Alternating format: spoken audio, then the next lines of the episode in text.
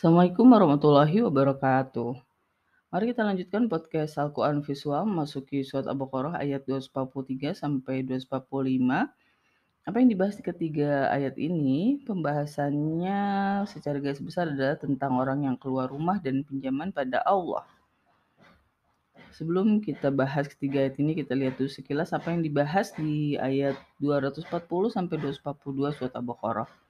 Pada ayat 240, orang-orang yang wafat e, dari kamu yang meninggalkan pasangan membuat wasiat bagi pasangannya e, kesenangan untuk setahun tanpa mengeluarkan. Maka jika mereka keluar, maka tidak salah atas mereka atas kamu dalam apa yang mereka lakukan dalam diri mereka dari ma'ruf dan Allah paling perkasa paling menetapkan hukum. Jadi di ayat 240 seperti yang telah kita bahas tentang wasiat yang diberikan kepada seseorang yang wafat memerintahkan agar istrinya tidak meninggalkan rumah selama setahun tapi juga memberikan bekal untuk tinggal selama setahun itu.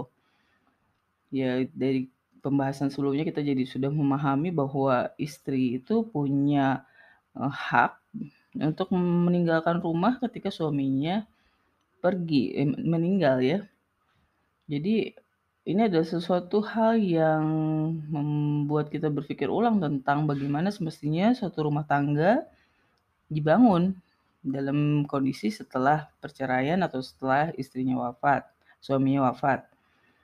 Nah, di ayat 241 Allah mengulangi pembahasan tentang orang-orang cerai dengan menegaskan bahwa wanita-wanita yang cerai itu diberikan kesenangan yang ma'ruf adalah hak atau kewajiban bagi orang-orang yang bertakwa. Demikianlah Allah membuat jelas ayat hmm, ayat-ayatnya bagi manusia agar kamu menggunakan akal. Jadi itulah yang dibahas di ayat 240 sampai 242 merupakan suatu pembahasan yang mengakhiri pembahasan tentang cerai. Lalu apa yang dibahas di tiga ayat selanjutnya? Kita lihat ayat 243 sampai ayat 245. Kita bacakan dulu ketiga ayat ini. أعوذ بالله من الشيطان الرجيم. ألم تر إلى الذين خرجوا من ديارهم وهم ألوف حذر الموت فقال لهم الله موتوا ثم أحياهم إن الله لذو فضل على الناس ولكن أكثر الناس la yashkurun. Tidakkah kamu melihat pada orang-orang yang telah keluar dari rumah mereka dan mereka ratusan takut mati maka telah berkata bagi mereka eh, Allah mati, kemudian dia menghidupkan mereka. Memang Allah sungguh pemilik karunia atas manusia, tapi kebanyakan manusia tidak bersyukur. Kita bacakan ayat 244-nya.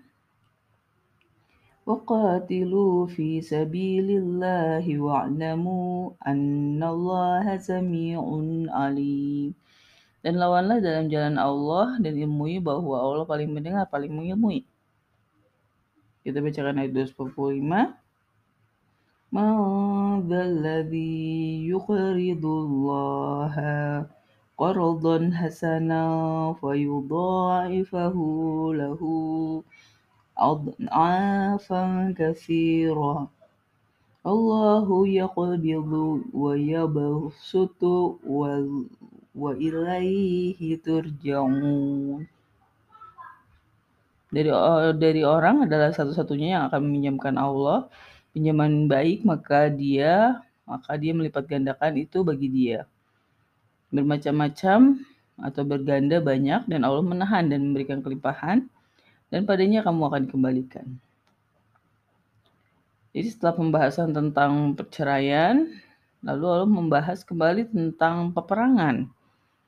Hmm, jadi ini mengingatkan kita pada pembahasan sebelumnya tapi kita perhatikan dulu kata dan frasa yang telah muncul agar kita memahami lebih dalam apa yang dibahas di ayat 243 surat Al-Baqarah ini. Kata pertama adalah taro. Alam taro, apakah tidak kamu melihat? Kata ini sebelumnya terdapat di ayat 166 surat Al-Baqarah merujuk pada mereka yang melihat azab. Pada ayat ini merujuk pada mereka yang keluar rumah mereka yaitu Bani Israel. Jadi pembahasan balik lagi ke soal Bani Israel tapi tidak disebutkan siapanya ya di depan. Di belakang nanti akan kita sadar bahwa ini membahas tentang Bani Israel. Lalu kata selanjutnya adalah khoroju. Kata ini sebelumnya terdapat di ayat 240 merujuk pada mereka yang keluar selama Saidah selesai. Kata inilah yang menghubungkan ayat ini dengan ayat sebelumnya walaupun beda konteks ya. Jadi um, itu yang sering kali digunakan dalam Al-Quran adalah pembahasan tentang suatu hal dikaitkan dengan satu hal yang berbeda tetapi menggunakan kata yang sama sehingga memang ada kesinambungan antara pembahasan satu dengan pembahasan yang lain walaupun beda ya kisahnya tentang apanya gitu. Lalu kata selanjutnya adalah dia rihim. Kata ini sebelumnya terdapat di ayat 94 surat Al-Baqarah merujuk pada rumah akhirat. Sedangkan yang merujuk kepada rumah mereka terdapat di ayat 84 sampai 85 surat Al-Baqarah. Jadi dia rihim ini bisa merujuk kepada rumah akhirat, rumah ya, rumah sebetulnya kan. Tapi rumahnya itu bentuknya rumah dalam dunia ataupun rumah dalam akhirat sama-sama disebut rumah. Jadi ya ini menarik ya penggunaan kata rumah yang mengingatkan kita pada rumah di dunia, ternyata ya digunakan juga untuk penggunaan pembahasan tentang rumah di akhirat. Lalu al uluf ulufan. Kata ini sebelumnya terdapat di ayat 96 merujuk pada ribuan tahun, sedangkan pada ayat ini merujuk kepada Bani Israel yang keluar dari rumah ribuan banyaknya ya, ribuan orang gitu. Ini salah ya, ada salah ketik. Tapi intinya eh, ulufun ini adalah maknanya ribuan dan merujuk kepada orang-orang Bani Israel yang pergi dari rumahnya karena ketakutan gitu. Nanti dibahas lagi kenapanya. Tapi kita bisa membayangkan ya ribuan orang itu tidak sedikit ya. Kita jadi ingat uh, kondisi ketika Taliban gitu berkuasa terus ribuan orang pergi meninggalkan Hmm, kota Afghanistan. Jadi memang ya seperti itu kondisinya ya. Berbeda konteksnya tapi kondisinya kan seperti itu. Jadi orang berbondong-bondong pergi meninggalkan kota yang diduduki Taliban. Lalu kata hadarul mauti, kata frasa ini sebelumnya terdapat di ayat 19 surat Al-Baqarah merujuk pada mereka yang permisalan orang fasik. Jadi bentuk ketakutan terhadap kematian contohnya adalah kejadian di ayat ini hazarul maut. Nah, kalau di ayat 243 ini kan dikaitkan dengan orang jahat gitu ya. Nah, kalau di ayat eh, 19 surah Al-Baqarah sebetulnya merujuk kepada kebenaran itu sendiri gitu. Kenapa kebenaran membuat mereka justru malah takut mati? Nah, ini harus difikirkan ulang gitu ya. Kan kalau di ayat 243 ini memang ya dia didatangi orang jahat terus pada kabur. Nah, kenapa di ayat 19 surat Al-Baqarah ketika membahas tentang kebenaran mereka malah dikaitkan dengan ketakutan oleh kematian gitu. Apakah memang kebenaran itu membuat mereka akan mati? Ya, tapi kan para para ulama bahwa kematian di pembahasan tentang orang fasik itu adalah kematian lebih ke soal-soal dunia gitu. Seperti misalnya kematian karir gitu kan. Kematian posisi dia di dunia seperti itu. Menurut uh, apa para ulama. Tapi sebetulnya kata kematian sendiri itu ya mati. Dalam kondisi mati yang sebenarnya ya Lalu kata selanjutnya dalam mutu, kata ini sebelumnya terdapat di ayat 217 merujuk pada mereka yang mati dalam keadaan kafir. Sedangkan pada ayat ini merujuk pada perkataan Allah yang menjadikan mereka mati. Jadi Allah karena ketakutan mereka karena mati, Allah malah mematikan mereka tapi katanya bukan bentuk perintah tapi dalam bentuk mati gitu ya. Verb satu. Nah, ini masih harus dipahami lagi maksudnya apa Allah berkata mati gitu. Ya walaupun memang akhirnya mereka mati beneran. Terus Allahu ladu fadli. Al-Fasa ini sebelumnya terdapat dari 105 merujuk kepada ketidaksukaan ahli kitab dan musyrik diturunkan lebih baik pada orang beriman, sedangkan di ini merujuk kepada dihidupkannya setelah mati. Jadi Allah pemilik karunia. Nah, eh, karena di ayat 243 seperti biasa ya kalau Allah mematikan suatu kaum seperti yang kita bahas tentang kisah-kisah Musa ya akhirnya hidup kembali pada akhirnya gitu ya. Nah, ini di sini didefinisikan sebagai pemilik karunia, salah satu bentuk karunia Allah kepada Bani Israel. Lalu kata selanjutnya adalah yashkurun. Kata ini sebelumnya terdapat di ayat 185 merujuk kepada tata cara puasa dan petunjuk.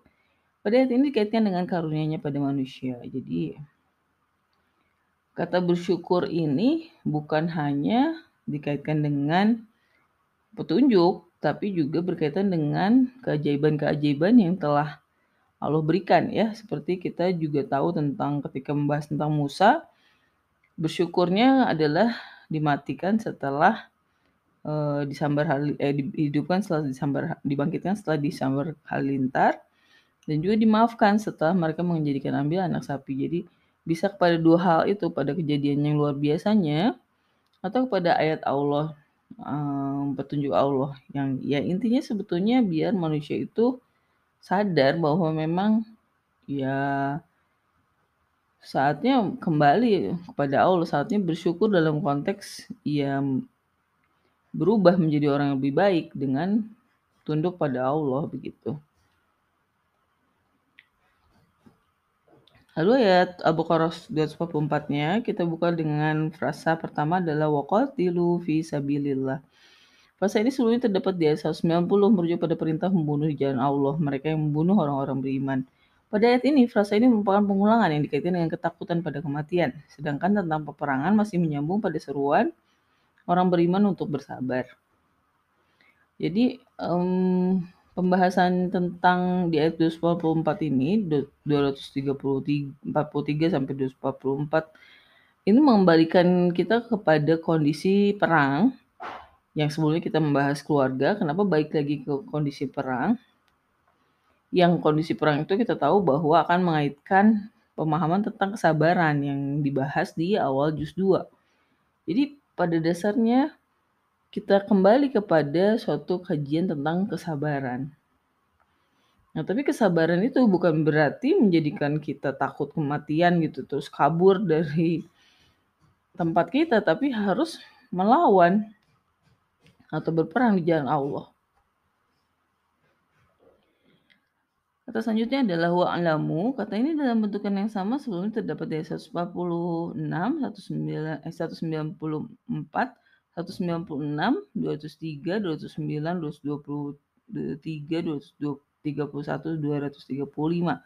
Jadi banyak ya yang kata sudah menggunakan yang ayat yang sudah menggunakan kata wa'alamu atau ilmu ilah dan dikaitkan dengan banyak hal fakta uh, tertentu atau asma Allah. Jadi ini adalah suatu perintah untuk mengilmui sesuatu lah ya. Jadi manusia itu kan sebetulnya dengan Quran jadi tahu sesuatu gitu, tapi tahu sesuatunya itu apa, dan dalam beberapa hal dan beberapa yang dianggap penting digunakan kata wa'lamu, ilmuilah. Berarti ilmu ilah itu pada dasarnya bukan sekadar tahu ya, tapi menerima itu sebagai suatu fakta. Dan ini adalah suatu perintah untuk menerima itu sebagai suatu fakta begitulah ya kira-kira. Lalu frasa selanjutnya adalah anallaha samiun alim. Frasa ini sudah muncul beberapa kali. Sebelumnya terdapat di ayat 227 merujuk kepada mereka yang berazam cerai. Sedangkan di ayatnya merujuk pada perintah membunuh jalan Allah. Apa kaitannya dengan azam? Jadi ketika berazam cerai sebetulnya kan tidak ada yang mendengar gitu kecuali mereka berdua suami istri dan Allah menegaskan bahwa Allah mendengar anallaha sami'un alim Nah, lalu apa hubungannya dengan perang di sini? Kaitannya dengan azam, dengan mendengar dan mengilmui gitu dalam konteks bahwa kalau ada niat untuk melawan gitu ya. Allah itu pasti tahu bukan kabur dari kematian gitu, bukan pergi keluar karena takut kematian. Tapi kalau misalnya memang ada niat untuk melawan eh, di jalan Allah, maka Allah mengilmui hal seperti itu apa yang ada di dalam niat-niat manusia atau azam yang, di, diazamkan oleh manusia. Kita lanjut ke ayat 245, kata selanjutnya adalah hasanan. Kata ini baru pada ayat ini muncul dalam bentukan nominal adjektif, sebelumnya telah muncul dalam bentukan lain, terakhir di ayat 236 dalam bentukan art, aktif partis, partis, partikel 4, mm, verb 4 ya, yaitu muhsinin. Jadi hasanan itu sendiri bentuknya adalah nominal adjektif. Ini kaitannya di atas 245 ini yaitu dengan meminjamkan pinjaman yang baik. Baik dalam konteks bukan ma'ruf ya. Kalau kita waktu ketika membahas tentang eh, pemberian kepada istri yang dicerai bahasanya adalah ma'ruf. Sedangkan di sini Allah menggunakan kata hasanan. Apa bedanya baik dengan ma'ruf? Nah, kita harus menelaah lebih lanjut tapi kita juga tahu bahwa kalau ma'ruf itu lebih ke kesopanan, Hasan itu lebih kepada kebaikan yang memang sudah ditetapkan ada kaitannya dengan tetapan Allah. Lalu wa ilaihi turja'un, verse ini sebelumnya terdapat di ayat 28 merujuk pada fakta siklus kehidupan manusia merupakan kata dalam bentukan verb 1 dimaknai akan dikembalikan padanya.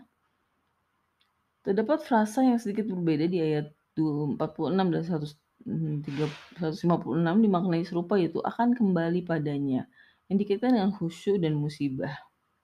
Jadi ada dua frasa yang mirip gitu ya.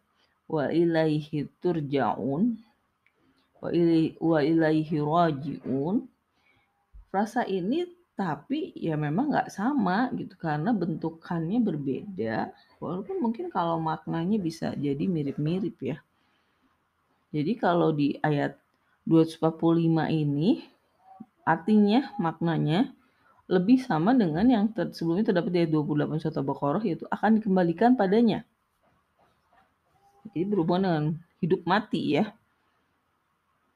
Nah, sedangkan di ayat 46 dan 156 yang berkaitan dengan khusus dan musibah, kesannya tuh adalah bukan nyawanya gitu, tapi lebih ke masalahnya.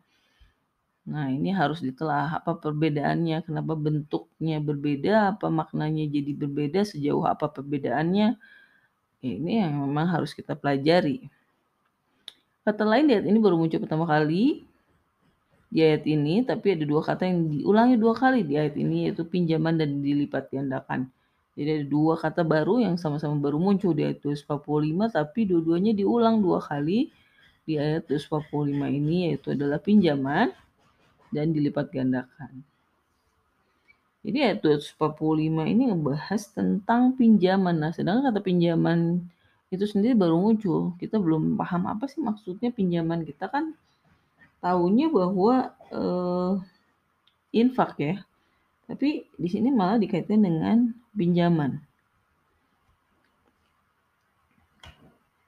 Simpulannya ketiga ayat ini merupakan sambungan dari ayat pembahasan tentang peperangan dan kesabaran. Tiga ayat ini merupakan uh, yang sebelumnya muncul di ayat 153 dan 190. Sedangkan kaitannya dengan ayat-ayat pernikahan adalah kata keluar yang membahas tentang mereka yang cerai mati. Lalu mengapa setelah pembahasan tentang ayat keluarga dikembalikan kepada kesabaran dan perang? Karena esensi dari agama adalah perjuangan. Jadi ya walaupun ya memang perjuangan itu juga bagi uh, misalnya bagian keluarga itu bagian dari perjuangan, bagian dari kesabaran, tapi ada hal yang berbeda gitu ya dalam soal perang dan kesabaran. Karena ini berhubungan dengan penegakan hukum Allah, walaupun ya sama juga sih dalam pernikahan juga ada yang harus ditegakkan hudud-hudud Allah.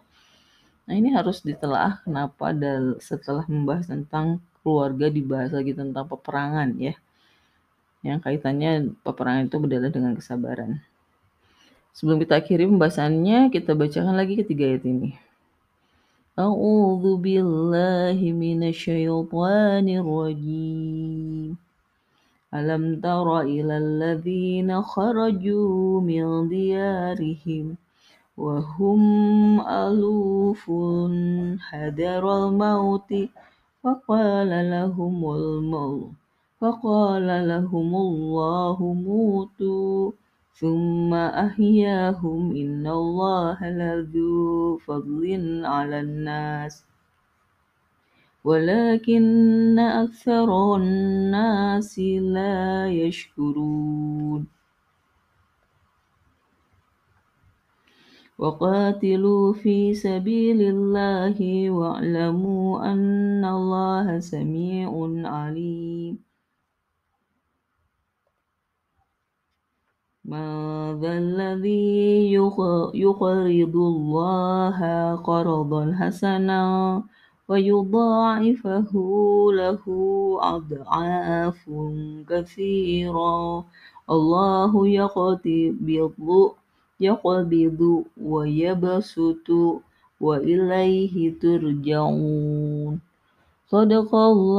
ma. Assalamualaikum warahmatullahi wabarakatuh.